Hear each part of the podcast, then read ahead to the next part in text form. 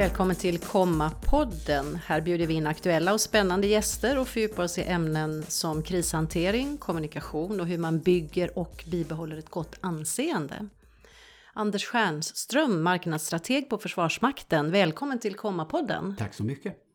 Första frågan är given.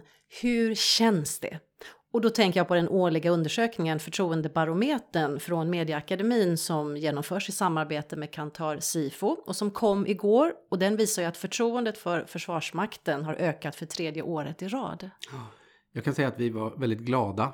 Eh, inte minst att vi har en väldigt kraftfull uppåtgående kraft. För det var inte så länge sedan man började, vi kom med på listan så att säga. Eh, det känns bra. Vi är också väldigt glada att, att polisen har ett väldigt högt förtroende. Jag tror de ligger högst upp tillsammans med Systembolaget. Mm. Eh, Men vad tror du det beror på att förtroendet har ökat så och kraftigt som du säger de senaste åren? Det finns flera anledningar. Eh, dels har vi medvetet och aktivt jobbat för att bilden av vår verksamhet ska vara eh, transparent, tydlig. Varför vi finns, vad vi gör, vad vi uppnår och att vi har ett tydligt uppdrag som vi också levererar på. Men man ska inte... Det låter lite som ett budskap nu när du framför det också. Ja, men det, så är det. Eh, därför jag skulle också i, i samma andetag säga att omvärlden har gjort oss relevanta på ett sätt som kanske inte alltid är önskvärt. Men den osäkerhet som finns runt oss och i omvärlden gör att man eh, vänder sig mot oss som, som samhällsbärande myndighet och ser, ser oss på ett annat sätt. Och där blir vårt uppträdande också med det självförtroende vi själva har någonting som man också upplever som förtroendeingivande. Och hoppas vi relevant. Även i det man kan uppfatta som en djupaste fred. Blir det förväntansfullt inför nästa års mätning eller nervöst? Vi konstaterar att vi mäter vårt eget varumärke varje vecka. Vi har löpande en tracking på hur förtroendet för oss ser ut och vi konstaterar att vi går åt rätt håll Vissa frågor har vi ganska högt värde, det vill säga vikten av ett eh, militärt försvar. Det har legat högt och eh, har ökat ytterligare de senaste åren. Men sen har det också kommit till frågan om vi kan leverera på den yttersta frågan, det vill säga försvara Sverige vid ett väpnat angrepp. Där är siffrorna för låga eh, för oss. Men det beror också på att vi under lång tid har varit en, en bransch som har varit under avveckling där vi i vissa sammanhang har kallat för ett särintresse. Ehm, och det är priset från den tiden och det här med enveckarsförsvaret. Där alla är smärtsamt medvetna om att vi är, börjar på en väldigt låg nivå när vi nu växer och eh, kliver framåt. Och det är ett långsiktigt arbete att bygga ett anseende och ett förtroende. Idag har du haft ett lunchföredrag här på Komma om hur man genom värdedriven kommunikation förändrar en organisation på djupet. Och det var fullsatt i lokalen. Det är populärt med Försvarsmakten, den lockar. Ja, det var jättekul. jättekul och kloka frågor. Och du berättade om den resa som Försvarsmakten har gjort. Var det nödvändigt att förändra organisationen på djupet? Ja, det är jag helt övertygad om. För lite drygt 40 år sedan kom de första kvinnorna in i Försvarsmakten och gjorde sin grundutbildning. Ehm, då såg man nog inte den kulturella resa som är nödvändig för att överhuvudtaget likna en jämställd organisation. Idag så upplever vi att vi har jobbat framförallt de senaste 10-15 åren oerhört aktivt. Inte minst kopplat till det värdegrundsarbete som har påbörjats och, och, och idag är en del av vårt DNA, törs jag säga. Det är inte bara några vackra ord som hänger på väggen utan vi lever vår värdegrund. Och gör vi inte det så, så, har vi inte, så är vi inte välkomna att jobba i, i, organisationen. Men du nämnde det att det här arbetet har intensifierats de senaste fem åren. Och mycket handlar om att ni måste bli en attraktiv arbetsgivare. Det är en drivkraft. Men finns det andra drivkrafter? Jag tror det är oerhört viktigt att man upplever att man jobbar i en inkluderande organisation som man vill tillhöra. Man vill känna en stolthet för Eh, vad man sysslar med och vad man jobbar med. Man vill inte skrapa med foten vad man jobbar eller tvärtom. Man vill ha en arbetsgivare som står upp och tar ställning för de värderingar som man själv har. Det är inte konstigare än så. Och en arbetsgivare som har möjlighet att faktiskt ta ställning och vara tydlig med egentligen ganska, som vi tycker, okonventionella frågor. Alltså det är mänskliga rättigheter rakt upp och ner. Och det är de vi är satta att försvara. Så att det blir en självklarhet och det blir ett... Eh, ja, det, det, är inte särskilt svårt att gå till jobbet på morgnarna när man har det att kommunicera och att leva. Det är en enkel sak. Eh, vi brukar säga att Sverige är ett land som är lätt att försvara. Därför att vi har väldigt mycket bra fri och rättigheter och en del skyldigheter också. Eh, och därför är det, ganska, det är ett land som på det sättet är väldigt lätt att försvara. Men, Men ser vi det alltid, att vi behöver försvara det? Jag kan säga att vi har, vi har två stora utmaningar. Och det är så att hur blir vi relevanta? Skulle vi utsättas för ett väpnat angrepp eller en större terroristattack så kommer vi vara relevanta 100% omedelbart. Men om man upplever att vi lever i en djupaste fred, hur blir vi relevanta här och nu för det vi gör? Och det är väl det vi försöker tydliggöra att den fred vi upplever är någonting vi kämpar för dygnet runt. Ibland är det tysta. Eh, det pågår en del aktiviteter, det pågår en intensiv underrättelseoperation mot oss. Det pågår ganska kraftfulla påverkansoperationer mot oss. Som är en del. Så att det beror lite på hur man beskriver den här djupaste freden. Det pågår saker och ting ifrån främmande makt och yttre krafter som riktar sig mot vår existens och vårt sätt att leva. Vi har haft uppe det i en podd tidigare, Daniel Akenin, säkerhetschef på, och teknikchef på Microsoft, pratade om nation state attacks bland annat i en tidigare podd som man också kan, kan lyssna på. Um, ja, du, hur, hur, hur började då det här arbetet? Hur startade det? Jag tror säga att vi någonstans i samband med 2004 när Försvarsmakten då hade också tagit några tuffa beslut om att vi skulle bli eh, ganska små i förhållande. Delar av Försvarsmakten har, har ja det är 10 procent kvar av organisationen. Eh, i delar av. Där påbörjades också en modernisering av Försvarsmakten. Det var dels så lades ett uppdrag mot Försvarshögskolan att titta på ledarskapsutbildning. Inte bara det, vi visste att vi hade ett bra ledarskap och att det var ett fungerande ledarskap. Men vi visste i alla delar inte varför. Utan vi tittade på vetenskapliga grunderna för det ledarskap vi har, den utbildning vi hade. Vi bad då Försvarshögskolan plocka fram en serie ledarskapsutbildningar. Där UGL kanske är en som är mest känd som också finns i, i ja, tillgänglig för den civila marknaden. Som alla våra befäl och officerare kommer genomgå. Ända upp till det indirekta ledarskapet för högre chefer. Om du ska säga vad förkortningen står för? Uh, UGL står ju för uh, upplevelse, grupp och ledarskap. Uh, vill jag minnas. Sen har vi den som heter ledarskap och självkännedom som följer på den. Där man ser eh, det mer reflekterande individuellt sen hur jag kan agera i ett sammanhang och vad som hindrar mig att jobba med de frågor som man själv har. Men eh, gruppdynamik som bas, att ingå i en grupp och fungera och förstå hur eh, gruppens ledarskap förändras över tid. Och det, ja, att ha ett situationsanpassat ledarskap. Det påbörjades däromkring. Samtidigt påbörjades ett värdegrundsarbete i Försvarsmakten. Och eh, på många gånger ifrågasatt. Eh, men idag har vi börjat, så ser vi frukterna. Det har varit ett ganska tufft arbete för många. För det var det jag tänkte. Hur, hur arbetar ni med förändringsmotståndet om det kom inifrån organisationen? Jag tror säga att från början så är det här eh, ledarskapsdrivet. Och vi jobbar ju också med någonting som heter kaskadmodell där vi helt enkelt jobbar uppifrån och ner i organisationen. Vi implementerar saker. Men det bygger på att alla accepterar det här. Och där så har det varit ett arbete med, eh, inte minst på officersskolorna, både i Halmstad och här uppe i Karlberg, att jobba med värdegrund med de nya officerarna. Då finns det ju forskning som visar att hur mycket tid du än lägger på att utbilda unga, det har polisen har gjort en undersökning själva. När, när, när sen personalen kommer ut på roten och börjar jobba med sina äldre kollegor, försvinner den här utbildningen. Man, man övertar den kultur som finns på den arbetsplats man kommer till. Och då kan man tycka att den här vägen går inte. Så att det jobbas från båda håll. Dels att säga att utbildningen av alla nya. Och det är skallkrav på det här. Men sen har cheferna och ledarskapet ett jätteviktigt och de har tagit ett väldigt stort ansvar. Och sen har det varit den hårda vägen. Det vill säga den som inte delar och kan leva vår värdegrund är inte välkommen att stanna kvar. Du beskrev under föredraget Pride-kampanjen som ni hade och den blev framgångsrik. Vad beror det på tror du? När en organisation som Försvarsmakten kliver fram och gör en markering när det gäller hbtq och likabehandling så är det brännbart därför att det kan uppfattas att vi gör en politisk ställningstagande. Det är det inte för oss. Det handlar om mänskliga rättigheter. Det är precis de rättigheterna vi är satta att försvara. För oss är det väldigt enkelt att se det. Vi är också noga med att ha haft ett arbete internt där vi vet att våra homo, bi och transsexuella i personalen faktiskt vet att de är inkluderade och de är fortsatt välkomna hos oss och vi känner att det är ett icke-problem att tjänstgöra i Försvarsmakten.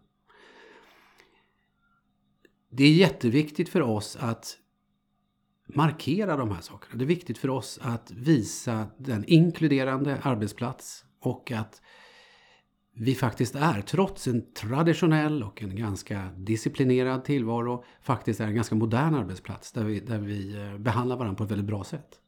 Finns det en risk att de framgångar som ni haft med eh, kampanjen till exempel skapar en polarisering och lockar fram fler nättroll? Hur funderar du kring det? Det gör det säkert. Det enda vi vet är att internt så står vi helt enade. Där har vi ett väldigt tydligt ledarskap och vi känner också att det här är, är internt så, så, är det här en icke-fråga. Det är någonting vi kan kommunicera inifrån och ut. Däremot så ser vi att eh, våra målgrupper, de som lyssnar på oss, de kan uppleva att det blir en polariserande fråga. Ska vi ägna oss åt det här? Finns det inte viktigare saker som vi har att göra? Hur, hur ställs det här mot vårt uppdrag? Eh, och jag vet att senast var det, tror jag, Domstolsverket hade en diskussion om kan man som domstol kliva ut i Pride och fortfarande vara så att säga opartisk. De kom fram till eh, en annan lösning tror jag än, än den vi har kommit fram till. Jag tänker om det är någon som lyssnar nu på oss som skulle vilja börja arbeta med värdedriven eller syftesdriven kommunikation. Vilka förutsättningar ska man ha på plats innan man börjar driva det projektet? Jag tror det är oerhört viktigt att man har börjar internt. Att man gör resan och gör jobbet. Eh, det andra är självklart att ledarskapet måste vara bakom fullt ut. Det är också oerhört viktigt att man är transparent med att man har stora områden eh, där man har utvecklingspotential, som vi brukar säga. Det vill säga att där man suger ska man vara tydlig med det. Och visa på det. Transparens med där man har utveckling, men också väldigt tydlig och klar med de landvinning man gör. Det tror jag är det sätt att, att visa det. Därför att det finns en fara med det här. När vi visar på hur duktiga vi är med lika behandling så är det precis som att de problem vi har har sopats under mattan. Och vi kliver ut och är stolta över den resa vi har gjort. Vad händer med de som ändå upplever sig kränkta och inte upplever det här? För de finns naturligtvis hos oss också. Men det vi har och jobbar med som kultur är att vi lyfter frågorna hela tiden. Det här är ingenting vi blir klar med. Varje dag. Ja. Ja, åtminstone regelbundet, tror jag säga. Och det andra är att vi har också tydliga och enkla rutiner för hur vi hanterar om man vill lyfta en fråga, en avvikelse. Det är inte beroende av att man har en chef som har en samsyn som en själv, utan det finns i organisationen på alla nivåer en möjlighet att lyfta det här högre upp så att det blir eh, omhändertaget.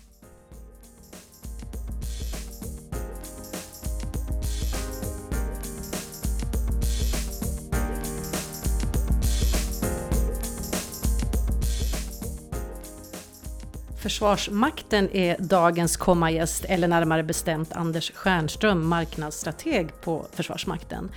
När man arbetar med förtroende så kan man se att det finns ett samband mellan ökad kunskap som ger ett ökat förtroende. Hur mycket arbete lägger ni ner på att öka kunskapen om Försvarsmakten? Jätteroligt. Vi har identifierat eh, tre, egentligen fyra eh, grupperingar ute i samhället som har väldigt låg kunskap. Vilka är det? Ja, det roliga är att vi brukar säga att, att när vi nu ska ha, vi har en återinförd värnplikt. Och då är det ju många unga kvinnor som inte har någon relation till oss. Och egentligen tror att de inte skulle passa in. För att de har en uppfattning om och det känns inte som att de har en del uppfattningar. Eh, de vill vi, där vill vi så att säga höja kunskapen på ett tidigt stadium så att vi blir någonting som de kan eh, tänka sig och de förstår värdet av. Så att de kan ta, göra ett medvetet val helt enkelt inför Eh, att de fyller i det här eh, mönstringsunderlaget. Men den grupp som har lägst kunskap är faktiskt deras mödrar. Kvinnor 45 plus har väldigt lite. Många en målgrupp här idag. Ja. Och då kan jag säga att de har ofta ingen relation till oss och de har en uppfattning som eh, ofta är förlegad. Och det gäller även eh, papporna.